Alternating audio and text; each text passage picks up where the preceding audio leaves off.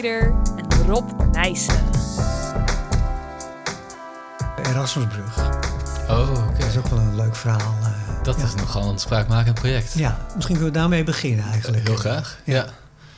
We zijn al begonnen hoor. Hij, Oh. hij neemt al op. Oké, goed. Nou, serieus gezegd. Eh, de Erasmusbrug in Rotterdam. Ja. Hè? Echt een, een prachtig project. Hè? Een mooie brug, eh, een mooie vormgeving. Echt eh, een sieraad voor de stad. En dat moest het ook zijn. Ja. Hè, want we moesten eigenlijk concurreren met een andere brug, ontworpen door eh gemeentewerk Rotterdam. De Vierstokkenbrug. Dat, eh, op elke oever werden twee stokken neergezet. Tussenin werden tuigen gespand en hing de brug aan eigenlijk. Dat was het ontwerp van de gemeente Rotterdam. Oké, een tuibrug. Ja, waarschijnlijk goed berekend en goed uitgevoerd en eh, strak vormgegeven. Maar ja, wel een beetje saai, tussen aanhalingstekens. Ja, dat is door een ingenieusbureau Ja. gemaakt en niet Ja. door een eh flitsende architect. Precies, ja. Nou, maar eh, de dienst stedenbouw van Rotterdam... oh, hoe heet ze ook alweer? Oh, Riek Bakker. Riek Bakker, ja, ja, ja, ja. Maar ik, ik heb wel gehoord dat ze heel direct is. Ze is waanzinnig direct. En heel goed, laat ik het er ook bij zeggen. Mm. En ze is iemand die ook eh, ja, een hoog eh, emotioneel eh, intelligentie eh quotient hebben. Oké. Ze voelt dingen aan. Hè, dat, en zo voelde zij aan. En ze doet het werk heel erg goed als stedenbouwkundige. Heeft ze echt laten, ook bewezen dat het zo is.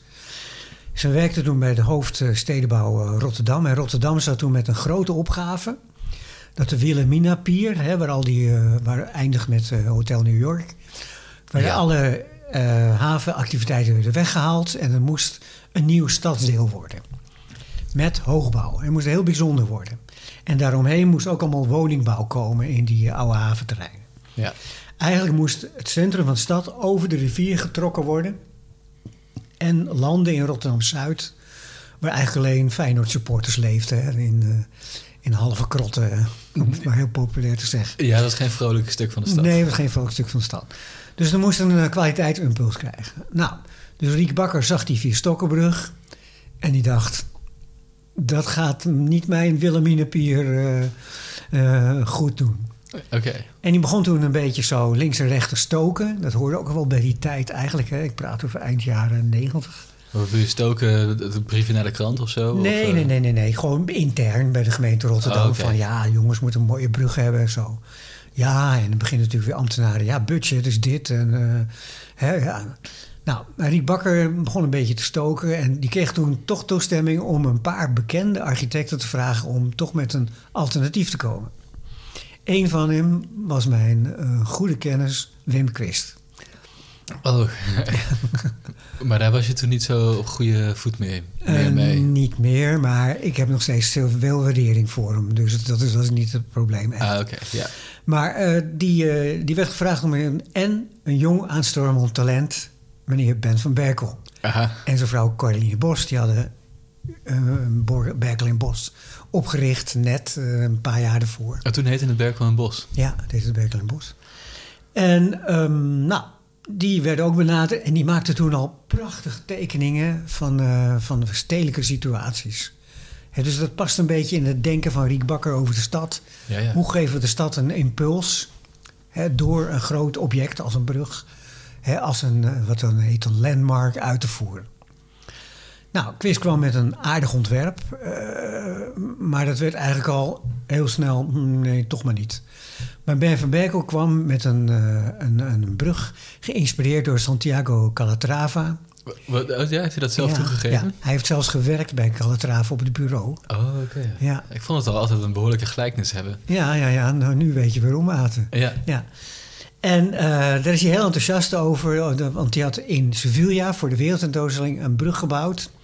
En er was een terugleunende kolom. Ja. En die, die viel eigenlijk om. Hè? ah, Net als een man die scheef staat, die valt naar achteren. Maar die hield in zijn handen hield hij een, een touw vast en dan trok hij de brug mee omhoog. Ja. Hè, Een heel beeldend gebruik van, eh, van de zwaartekracht. Hè, wat in dit het ontwerp eh, enorm tot orde komt. Er is alleen één maar. Hè, als je een beetje daar gaat rekenen met een paar vuistregels... dan kom je al snel achter dat de kolom heel groot en zwaar moet zijn.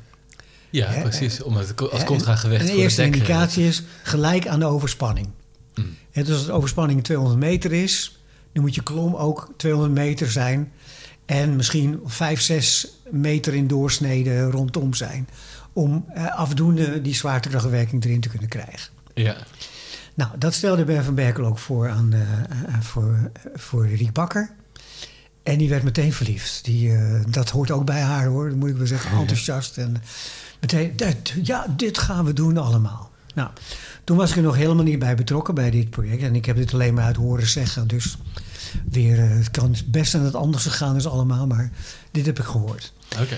En ehm, nou, dus toen moest die brug berekend worden. En het gemeente, ingenieursbureau van de gemeente zei, "Nou, dat doen we niet. We hebben een brug uitgerekend, hè, dus eh, zoek maar iemand anders. Die waren een beetje gepikeerd misschien? Ja, zeker. Ja. Want eh, natuurlijk, eh, ja, we kregen een buffet van eh, niet goed genoeg. Hè? Mm. Maar in, in ieder geval werd toen eh Arie Krijgsmans, professor in Delft, werd benaderd. Een bekend persoon die ook een Feyenoordkap gedaan had. Ja. En het Tialf-stadion in Heerenveen. Dus werd benaderd om daar een onderbouwing aan te geven voor de constructie. Nou, dat heeft hij gedaan, eer en geweten. En het kwam erop neer dat er toch een tuin naar achteren in moest. Oké.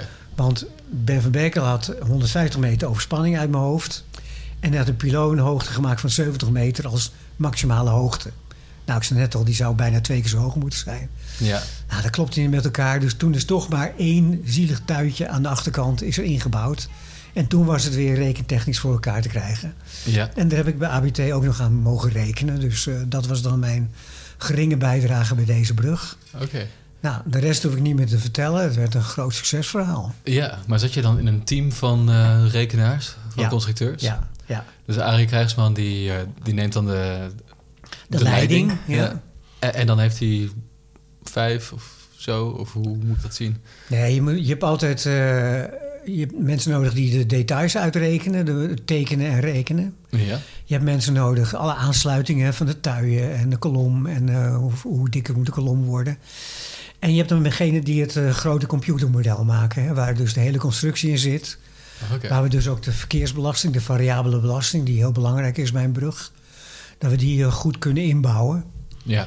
En ook alvast kijken naar hoe zit het met de sterkte, hoe zit het met de doorbuiging, hoe zit het met eh, vervelende eigen frequentieproblemen, hè, die in trilling kan komen. Ja. Jullie kennen allemaal dat, die prachtige beelden, prachtig tussen aanstekens, van de Tacoma Narrows Bridge, die je zo ziet torderen in de bouw, eh, of in de, in de storm. Ja. En dat is natuurlijk eh, ieder schrikbeeld, dus dat wil je al van tevoren goed voorkomen. Ja. Oké, maar en dat co- computermodel was dus een groot eindige elementenmodel eh, in die tijd, dus dat blijkbaar. Ja, ja, ja. Of het eindige elementenmethode was zeker bij de kolom zal het zo zijn. Maar het brugdek wordt denk ik als grote balk uitgevoerd. eh. Ja, oké. Want in deze fase, hè, dan heb ik echt over de ontwerpfase... dan kun je niet al te groot computermodel maken. Want A, dat duurt weken om dat te maken. En B, om alles door te rekenen, duurt ook weer weken. En C, het duurt ook weer weken voordat je al die uitvoer hebt geanalyseerd. Dus eh, dat is gewoon niet slim. Je moet een beetje simpel houden, een beetje rechtlijnig. Ah, oké. En Krijgsman die bestuurt dat dan allemaal? Ja, die je kijkt moet dan over- eigenlijk... eh, s- dat is zijn na- voornaamste verwerkelijkheid is dat A, het op tijd gebeurt. Want het moet allemaal snel, snel natuurlijk. Maar dat er toch betrouwbare resultaten uitkomen. Dat er niet eh, slechte aannames gedaan worden die later onderuit haald- eh, gehaald worden. Ja. Nou, toen was dat allemaal bekend. Toen kon een staalleverancier kon de prijs bepalen. En die was 30% hoger dan de voorgaande Vierstokkenbrug. Dus de gemeente Rotterdam in de gemeenteraad, dat is een belangrijke beslissing te doen, hebben we dat ervoor over. Hm. Nou, de Riek Bakker weer echt aan alle touwtjes getrokken die maar zo kon trekken. en die een kleuterschool belooft en die een eh, nieuwe, weet ik van wat allemaal. Hè. Oh ja. En de gemeenteraad heeft toen mee ingestemd. En ik denk dat ze achteraf zich allemaal een eh, klopje op hun schouder geven. Dat ze daar in Rotterdam een enorme dienst mee bewezen hebben. Ja. Want ik geloof letterlijk dat die brug het centrum over de stad heeft getrokken. En de Wilhelminaplek tot Pier tot een eh, volwaardige stadsplek gemaakt hebben. ja, volgens mij is het een groot succes. Ja. Ja. En dat, eh, d- dat project, dat heeft... eh, dat, nou ja, goed, eigenlijk heeft Krijgsman dat gedaan, zou je dan zeggen. Met Ja. UN Studio. En daarna hebben jullie nog een aantal projecten gedaan? Of heeft ABT nog vaker met UN Studio? Ja, ja, ja, een toen- aantal Zoals het projecten. toen heette, Berko en Bos, Ja, eh, ja. samengewerkt. Ja, op een gegeven moment werd het UN-studio en er zat een diepere gedachte achter. Die ik heel goed vind. Eh, ze zien zich als architect natuurlijk, maar ook als stedenbouw. Ze zien zich ook als eh, vormgever. Ze willen ook als verdediger van de duurzaamheid. Dat was al heel vroeg bij, bij UN-studio, hè, wat ik zo maar zal noemen vanaf nu. Mhm. En met Ben als de, de verlichte leider die daar alle richtingen aan wijst. Hè. Ah, Zo moet je het eigenlijk zien. En het is een heel professioneel gebouw, die nu, eh, eh, bureau, dat nu over de hele wereld eh, prachtige projecten neerzet. ja, Hè, met prachtige voorbeelden zoals Mercedes Showroom in, eh, in Stuttgart. ja, Echt fantastisch. een prachtig gebouw waar echt architectuur, functionaliteit, eh, schoonheid allemaal gecombineerd is. Hè. Alle eisen van eh, Vitruvius eh, Ja, worden optimaal ge- gediend daar. Ja. maar je zei het van het is UN-studio, zo, zo hebben ze zichzelf genoemd, omdat zij zich zien als een... Ja, ik begrijp niet helemaal. Multidisciplinair bureau. Niet als een architectenbureau hè, die alleen mooie dingen maakt. Oké, Maar ze willen dus de klant zo goed mogelijk adviseren. Zo breed mogelijk ook. Hè? ja. Vandaar ze al vroeg over duurzaamheid eh, aan het nadenken waren. ja, precies. Maar ze hebben geen constructeurspoot bijvoorbeeld. Nee, nee, maar daar huren ze dan mensen voor in. Ja. Ook voor de installaties. Ook voor heel specialistische adviezen. Heb je kunnen zeggen, ik wil duurzaam denken, maar dat heeft een heleboel aspecten hè, die je ook met zich meekomt. Ik noem ook bijvoorbeeld de brandveiligheid. Hè, zeker in hoge gebouwen een enorm issue. Mhm. Hè, publieke gebouwen helemaal. Hè, dan kunnen de mensen op tijd vluchten als er brand is. Dat is echt een wetenschap eh, geworden. En dat wil, die kennis willen ze allemaal verenigen. Maar daarom sluiten ze soms aan met andere ingenieursbureaus. En dan eh, voor elk gebouw wordt een gewogen team geformuleerd van deskundigen. Ja, oké. En was het dan ook zo dat het een hele goede samenwerking was? Omdat ze dan ja, zo gewend zijn om mensen in hun netwerk te betrekken... om eh, deskundigheid in te huren, zeg maar? Ja, ja, ja, in principe zeker. Ja. Oké. Maar er zitten ook wat nadelen aan. En dan komen we straks op als we het over de toren in Antwerpen hebben. Ah. Nou ja, misschien moeten we daar maar meteen eh, Dat is goed. Ja. naartoe gaan. Goed, het is weer een prachtig verhaal, een prachtig ontwerp, maar helaas een prijsvraag die we niet wonnen. Hm. En ja, achteraf ga je denken, hoe komt dat dan? En ik weet het antwoord niet 100% hoor, want ik kijk ook maar vanuit een bepaalde hoek naar alles zoals het gegaan is. En maar ik denk in dit geval dat de ambitie heeft het gewonnen van eh, de overtuigingskracht. En dat zal ik eh, als volgt proberen toe te lichten. ja. Eh, de gemeente, af, ja, moet je het, ja, gemeente is ook in, in België. Hè, die had ook de hele Scheldehaven onder zich. En ze wilden op een gegeven moment kwam er allemaal eh, analyses van de veiligheid. Hè? Wat als er een, eh, een olietank explodeert? Wat als de kerncentrale bij Doel eh, rare dingen gaat doen? Wat als de Russen, of in die tijd misschien de Chinezen, een elektronenbom naar beneden gooien en alle communicatie verstoord is? Hè, hoe kunnen we dan toch zo goed mogelijk de veiligheid in de haven in de gaten houden? Hè? Niet garanderen natuurlijk, maar in de gaten houden. Oké. Dus we dachten, nou, we moeten een toren bouwen. Hoe hoog moet die toren bouwen? 150 meter was het antwoord. Dat we het hele havengebied vanuit op zicht ook kunnen overzien. Hè, met een paar verrekijkers en telescopen erbij kunnen we dan een heleboel dingen goed in de gaten houden. Aha. Dat was het basisidee erachter. Oké. Want inderdaad, er is een elektronenbom gevallen. Alle communicaties is uitgevallen. Computers doen het niet meer. Hoe kunnen we dan, misschien nog wel een paar telefoons... Hoe kunnen we dan toch eh, dingen coördineren... en informatie, eh, goede informatie geven. Dus Ja. een uitkijktoren. Uitkijktoren, gigantische uitkijktoren. Ja, 150 meter. En niet zo Dus eentje die op de heide ziet om vogels ja, te kijken. Ja. Als je in China of Arabië komt met een toren van 150 meter... dan lachen ze zich rot. Dat is kleuterwerk. Maar bij ons is dat nog steeds eh, een behoorlijke toren. Ja. Goed, nou, eh, er werd een voorselectie ge- ge- gemaakt en toen werden er vijf eh, architectenbureaus uitgezocht. Eerst alleen architectenbureaus, waaronder UN Studio. Die hadden dus een mooie naam voor zichzelf gemaakt. Ja, nou, wat ik net zei, Mercedes gebouwen en nog een aantal gebouwen in de wereld die daar eh, echt eh, hun kwaliteit goed li- lieten zien. Ja. En daar profiteren ze natuurlijk van. Want, eh, oh een heel klein st- stapje terug dan. Maar Ja. Erasmusbrug was niet hun eerste grote project? Of? Nou, eigenlijk wel. Dat is hun eerste echte op een stedelijke grondvast gebaseerd ontwerp. Aha. Ja.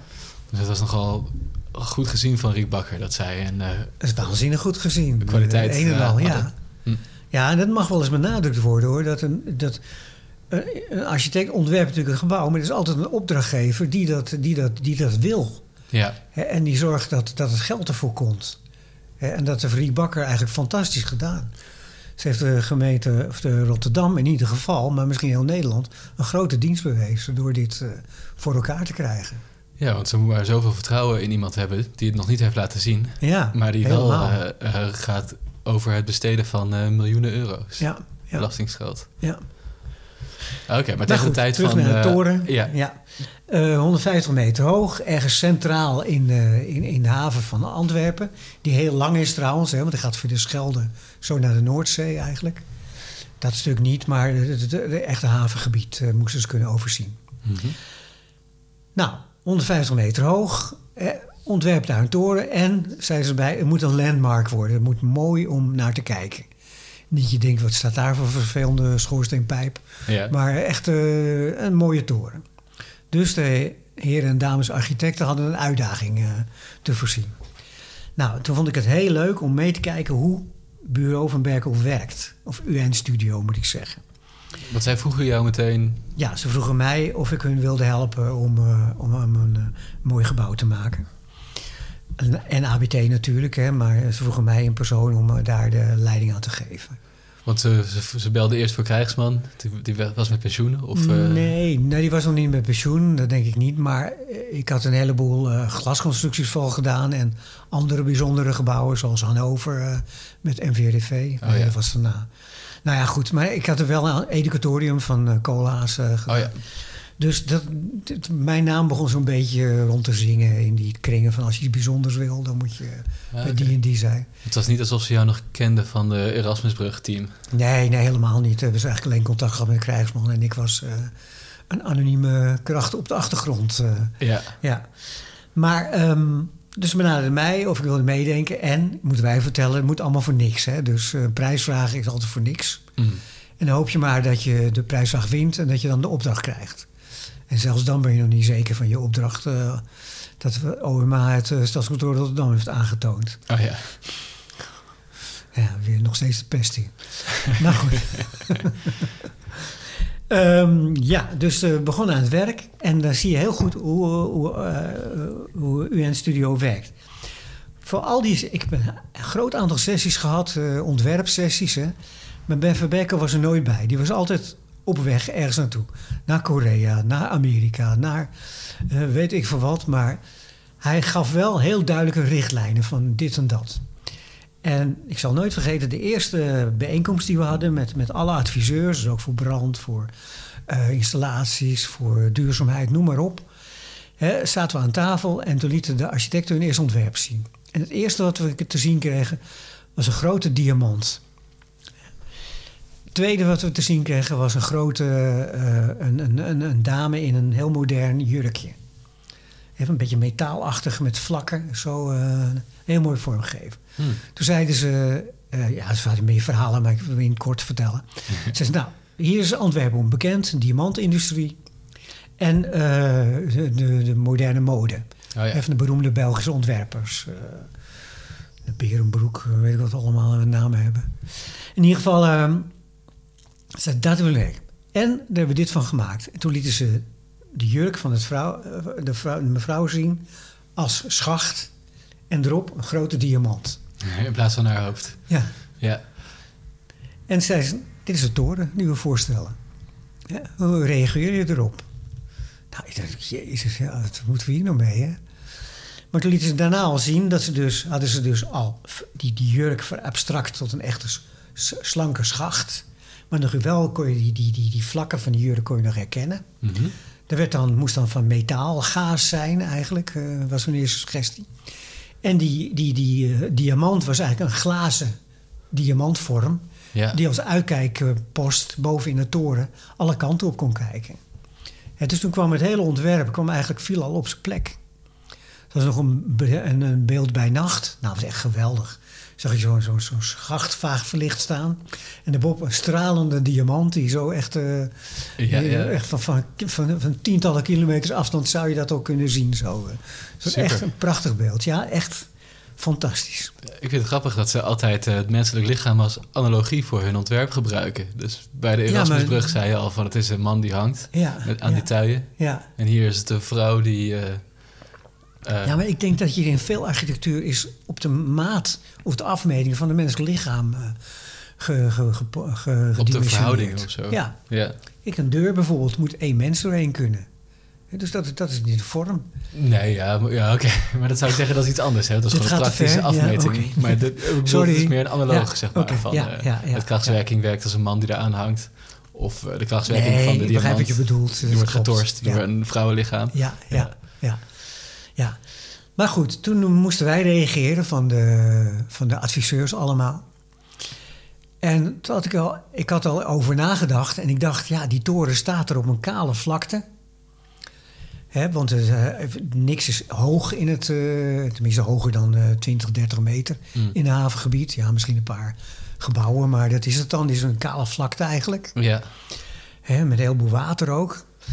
En ja, dat staat eigenlijk op het strand, die toren. ja. En Kust moet je dan rekenen. de hè? kust. Ja, de Ja. kust. eh, voor de windbelasting moet je echt onbebouwd, eh, in de, in, de- vol in de kustwind. En die nog hoger is dan de wind op land, moet je er berekenen. En er was me al een paar dingen opgevallen, al eerder hoor, in, in mijn bestaan. Van we rekenen die windbelasting dat die uit alle richtingen kan komen. Hè? Maar kijk je nou naar de windroos, waarbij alle richtingen van de stormen zijn verwerkt, dan zie je iets heel raars. Een noordenstorm komt bijna nooit voor. En als die voorkomt, is de windkracht 8. Hm. Oostenstorm, ietsje meer, misschien windkracht 9. Westenstorm, ook misschien windkracht 9. Maar de zware stormen, dus windkracht 12, 13, die komen allemaal uit het zuidwest. Zuidwestenstorm, ook met de Delta-ramp eh, in 1953. Een zuidwestenstorm stuwt alles op, waait echt eh, volle kracht eruit. Dus ik dacht, nou, die toren die moeten we goed po- positioneren, zo aerodynamisch mogelijk naar het zuidwesten. Daarnaast moeten we hem, tegengesteld aan de brug, eh, waar we het net over hadden, de Erasmusbrug, Ja. met iemand die hangt met zijn zwaartekracht, moeten we nu hem tegen de wind in laten leunen. Ja, ja. Want kijk maar eens naar mensen op die op het strand lopen in de storm, dan leunen ze ook al naar voren toe, automatisch. Ja. En kinderen, ik ook, vond het heel erg leuk om op het strand te staan en dan te leunen tot je eigenlijk echt omviel, hè? dat je te ver ging. Dus ik denk, dat moeten we ook gebruiken. Dus dat zei ik tegen de architect en nou, die reageerde fantastisch. Wauw, dat gaan we doen. ja. Hij zegt, maar... Je eh, sprak hun taal eigenlijk. ja, ja, ja. Nee, maar ik vind het ook, dan, dat heeft ook een, een, een, een economisch voordeel. Want als je hem dus goed, de windbelasting reduceert tot minimale mogelijk, hè, niet de vierkante doos waar de wind tegenaan botst, maar een, een slanke aerodynamische vorm, dan heb je een veel minder winddruk te regelen. Dat staat niet echt in de normen. Nee. Daar kom ik zo op terug. En als je iets laat vooroverleunen tegen die storm in, hè, dan heb je ook weer een voordeel. Want het gewicht dat geeft een andersom moment dan het windmoment eh, geeft. Dus je hebt windmomenten op je constructie. Ja. Dus zei ze, ja, maar kunnen we dit aantonen? Kunnen we dit bewijzen? Al deze prachtige verhalen van jou. ik zeg, nou, dat, dat kan wel. Maar dan moeten we windtunnelproeven doen. Ah ja. Toen zei ze, oké, geweldig. En toen hebben ze bureau Peuts benaderd. De- Dus de windproeven zijn om eh, de aerodynamische vorm aan te tonen. Ja, en ook de winddruk te meten, want dat kunnen ze meten. Hè? Ja, ja precies. Ja. Ja. Ja, Dus je weet wat voor moment er ontstaat eh ten gevolge van de wind en het leunen. Oh, dat leunen. Ja, maar goed, dus dat hebben we helemaal ingebouwd. Heeft Peuts in zijn windtunnel. Ergens in, bij Nijmegen in de buurt hebben ze het helemaal nagebouwd. Prachtige foto's van met die eh, diamantkop eh, in een, leunend gebouw. Ja. Allemaal sensoren erin, aangesloten op computers. En toen de wind laten blazen. En toen hebben ze dus gemeten wat voor windmoment we moesten rekenen. Dus toen hadden we één op één bewijs, ja, weliswaar in de windtunnel, hè, dat dit een haalbaar concept moet zijn. En ik kon met de echte windbelasting, in plaats van de domme eh, windbelasting uit de normen, kon ik mijn gebouw uitrekenen. En had ik nog een grap uitgehaald. Wat me altijd opviel is bomen die zijn recht in doorsneden, worden dikker naar beneden toe. Maar naar beneden toe worden ze nog dikker en dan waaiert het uit. Ja. Dus ik had ook voorgesteld om die schacht ook te laten uitwaaieren. En daar hebben ze deels gebouwen van gemaakt, maar deels ook eh, rechte wanden. Maar in ieder geval, ook de voet die waaiert uit. En dan kan ik dat buigende moment nog veel beter om eh, opvatten. ja, precies. Dus we hadden de strategie bedacht om eh, het fundament te maken, palen, eh, een befunderingsplaat. Daarop een en dan daarin een glijkist met de trappenhuizen en de installatieschacht en de, de liften natuurlijk.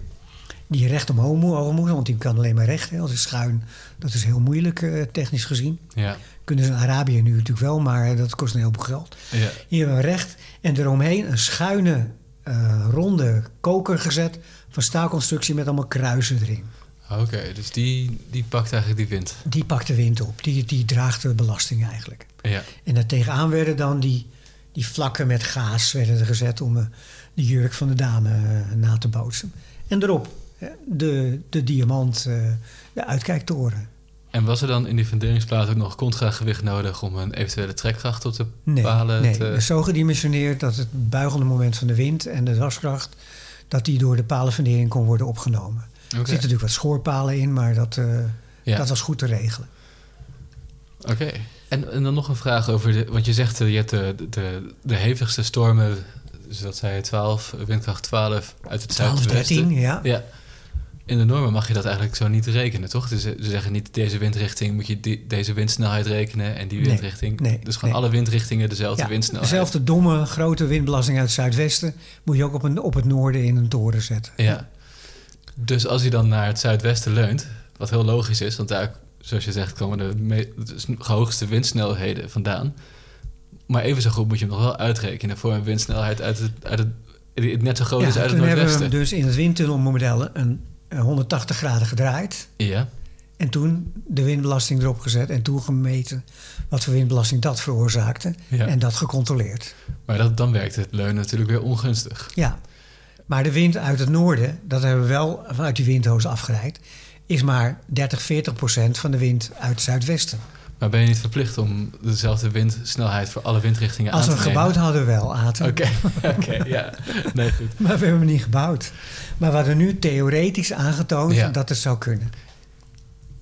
Nee, precies. Dat, ik geloof er ook helemaal in hoor. Alleen de, de, de, de wetgeving staat het je niet toe om deze slimmigheid toe te passen nee, eigenlijk. nee, nee. Dat is meer... Maar daar had ik voor gevochten als een leeuw om dat toch voor elkaar te krijgen. Oké, ja. Want het is de werkelijkheid. Uit Nee, het noorden komt er gewoon minder wind.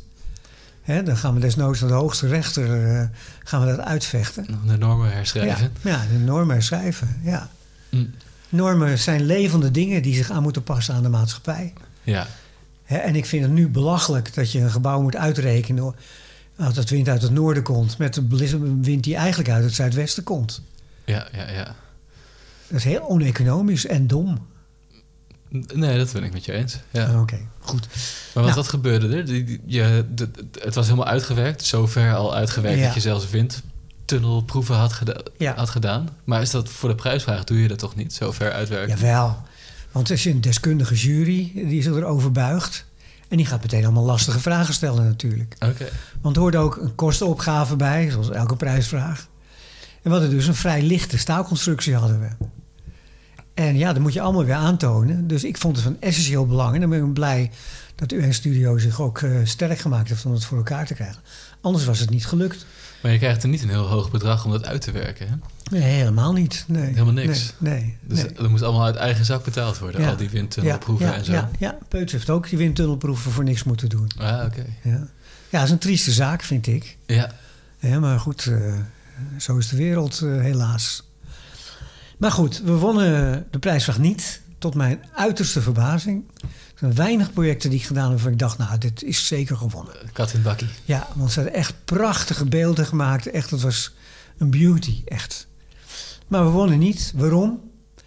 Onze Belgische vrienden vonden het te experimenteel. Oeh, Ja. de constructie. En de, de, de dingen die... Ja, nou, de, de hele verschijning, alles. Oké. Want er zat ook allemaal eh, windturbinetjes hingen eraan. En er zat de duurzaamheid ook een heleboel eh, aandacht aan gegeven.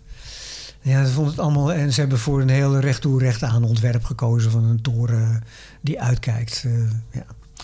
Dus maar goed. Dus ik dacht, dit, gaan we winnen, zeker. Hè? Maar gelukkig is die kennis niet verloren gegaan. Want dezelfde techniek, het leunen en aerodynamisch... in de, ze heeft de UN-studio gebruikt voor een vliegveld in eh Kazachstan uit mijn hoofd. Dus eh, Oké. het is nog wel gebouwd. Dus het idee, het idee leefde voort. Nee, ja, gelukkig wel. Ja. ja. ja. Hm. En eh, de, de, de- hoe, die samenwerking daarvan zei je dat, dat je dus met, met alle of specialisten, zeg maar, dus de externe deskundigen, ja. allemaal aan tafel zat te, te werken aan het project. ja. En dat Ben van Berkel dan instructies achterliet, ja. maar dan zelf eh, over de hele Niet wereld aanwezig vloog. was, ja.